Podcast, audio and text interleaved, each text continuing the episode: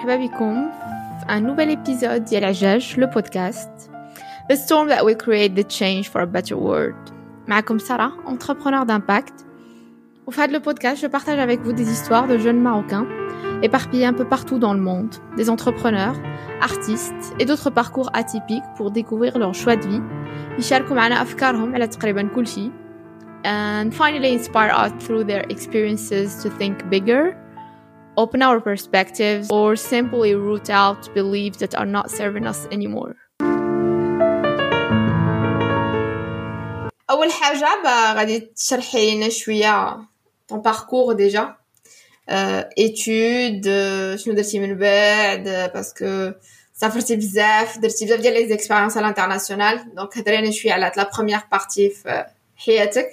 Ok, super. Donc, euh, c'est-à-dire, euh, moi au lycée, quand j'ai un parcours euh, scientifique, euh, et en fait, ديما كنت كنختار la branche اللي غتعطيني le plus de choix حيت je savais jamais ce que je voulais. كنت مازال ما عارفه راسي شنو باغي ندير donc j'ai décidé de faire euh, une école de commerce قريت التجارة والتسيير زعما سي انكور اون فوا كتختار شي حاجة بلا ما تختار والو. ديك الساعة تو تفورم على مانجمنت اند يو كان مانج بروجيكتس ان ديفرنت فيلدز اي دونك سيتي على ود هادشي باش اختاريت ليكول دو كوميرس باسكو ديك الساعه لونتربرونيا ديجا سا مانتيريسي مي الصراحه ديما تنقول واحد الهضره مون باركور سكولير ماشي سي فري كو المدرسه كتعطيك بزاف د الفرص مي تعلمت بوكو بلوس دو شوز نون با اترافير المدرسه مي اترافير لو باراسكولير كو جي في في قرايتي اي دونك موا جي انتيغري قرايتي اون اورغانيزاسيون انترناسيونال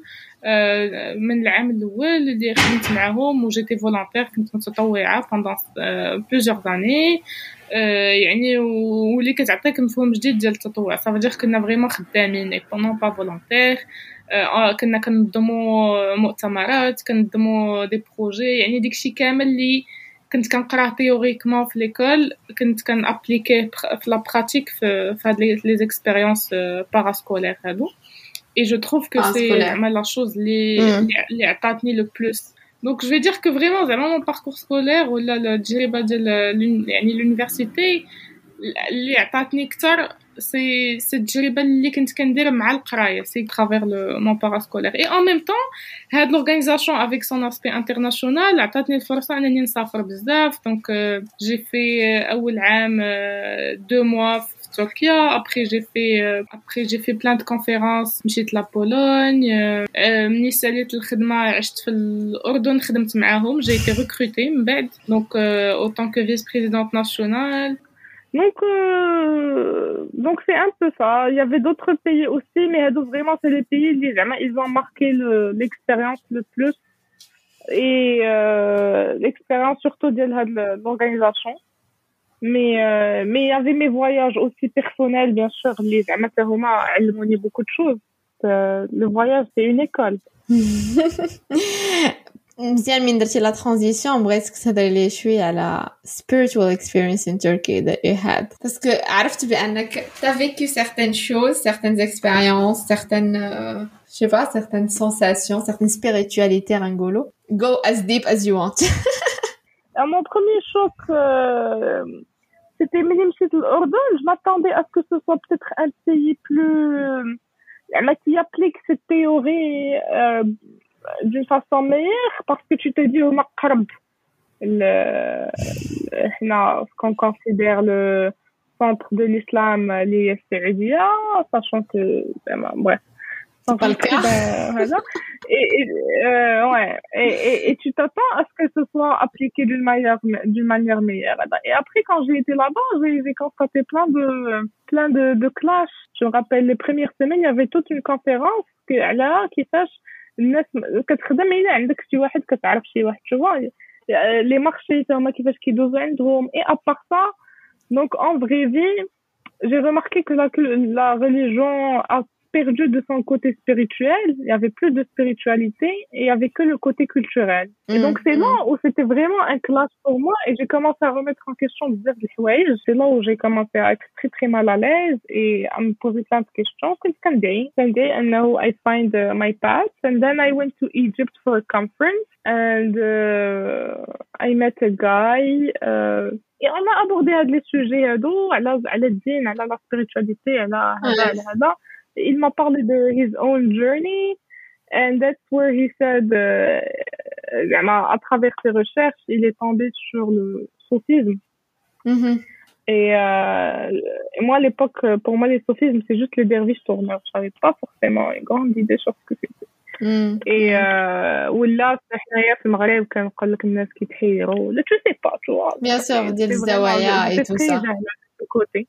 Ouais uh, and then he I I, so I asked him to explain قلت له uh, زعما شنو هي comment tu décris ça et il a commencé à le décrire et j'avais les larmes aux yeux parce que c'était effectivement ce que je cherchais euh, mais qui était décrit en des mots plus plus établis يعني بحال اللي داكشي اللي كنت كنقلب عليه il existait déjà euh, Comment il l'a décrit? Ça me rappelle euh, de culture Jalal Dinro, mais tu dis quoi tu et c'est qui. Ouais. Euh, comment il a décrit ce que je me rappelle d'Eva actuellement, c'est juste d'un truc majoritaire. Euh, il a décrit le côté que tu te focalises sur toi-même déjà. Bon, on commence علاقتك مع المجتمع علاقتك مع راسك وعلاقتك مع الله. You cannot focus on one without focusing on another one. I mean, you cannot Mm. choose. They're all of them they're related. Donc تبدا بتهذيب النفس ديالك انت هي الاولى avant de te concentrer sur les autres ولا avant de juger les autres. Et c'est là, bien sûr, c'était très rapide. Moi, je te dirais, شنو شنو تريك عقلة. Il m'a recommandé de lire واحد le roman, اللي هو The 40 Rules of Love de Elif Shafak. Je, je pleurais dans plusieurs passages parce que je retrouvais effectivement tout ce qui me passait par la tête.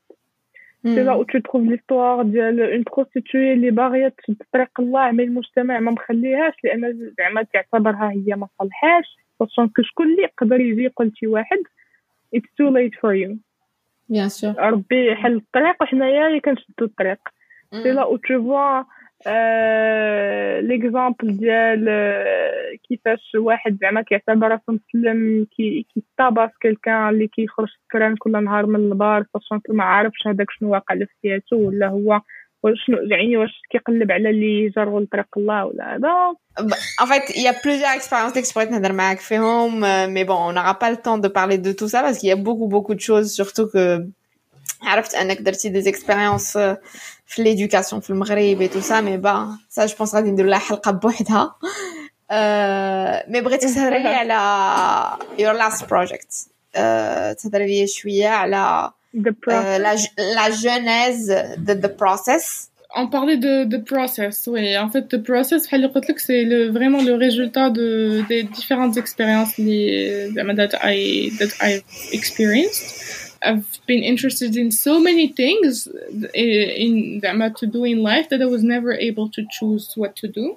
Donc, when I was looking for home, I realized that uh, home was not a place, but home was people. The question was, okay, where can I find those people? Blah, blah, blah. But then COVID happened, and then I had to go back home. But I was not necessarily happy or satisfied with the quality of life I was doing. Mm. I loved the job, like I liked the the job, but the lifestyle was not really as interesting or as uh, fulfilling as I thought it would be. That's when I Mm. realized that actually traveling is not about being in another country as much as it's about being in a new environment. So lear- seeing something new, tasting something new, or uh, eating something new, and then um, also being around new people who are part of this new environment and new experience. And so I thought to myself, well, okay, then if traveling is about new experiences and new people, let's create this where we are right now. I'm sure that where we live currently, there are a lot of interesting people who are waiting to meet other people, but they're somewhere. Mhm. And there are also a lot of uh, experiences that we haven't tried yet and that we can actually try. Um, so I started thinking, okay, what sort of people do I want to meet and what sort of community would I want to belong to? Mhm. and I th- I really have learned throughout my educational experience that the only thing we need to educate people about is just to once again we don't need to teach them anything. They don't need to learn anything. They just need to unlearn everything that has made them uncreative. So creativity is for me the solution because you start to use your brain and own your thoughts and just connect to yourself. And creativity is about individuality and just living your true self. And so the community i wanted to belong to was a creative community uh, and a loving community of course.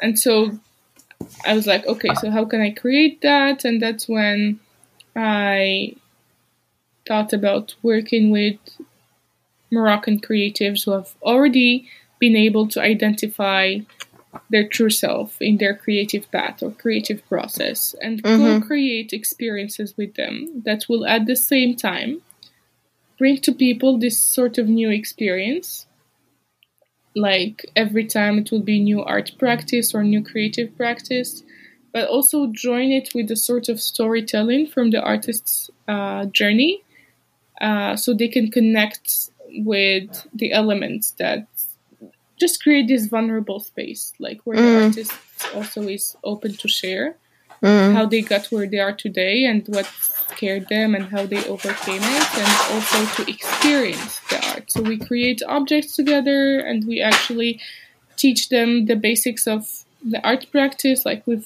have clay, we have painting, we have uh, jewelry design. It's it's different every time. That's how the process started. Bravo! سي vous êtes encore là راكم شديتوا معنا حتى الاخر الا استفدتوا شي حاجه من هذا البودكاست وعجبكم لو كونتوني ما تنساوش تشاركوا مع اصحابكم خوك ولا اختك ولد خالتك ولا بنت عمك هذا le podcast et de me laisser un joli 5 étoiles sur Apple Podcast, ce qui va nous permettre d'élargir l'impact chez, chez la jeunesse marocaine. ما تنساوش aussi de s'abonner باش تعرفوا آه، فاش يكون آه، un nouvel épisode. Et n'hésitez pas à me mettre en commentaire le nom de gens qui vous inspirent dans votre entourage. غادي نحاول نجيبهم هنايا معنا et comme je dis toujours euh, si ce podcast contribue à changer le cours de la vie d'une personne une seule راه ربحنا كل شيء خليتكم على خير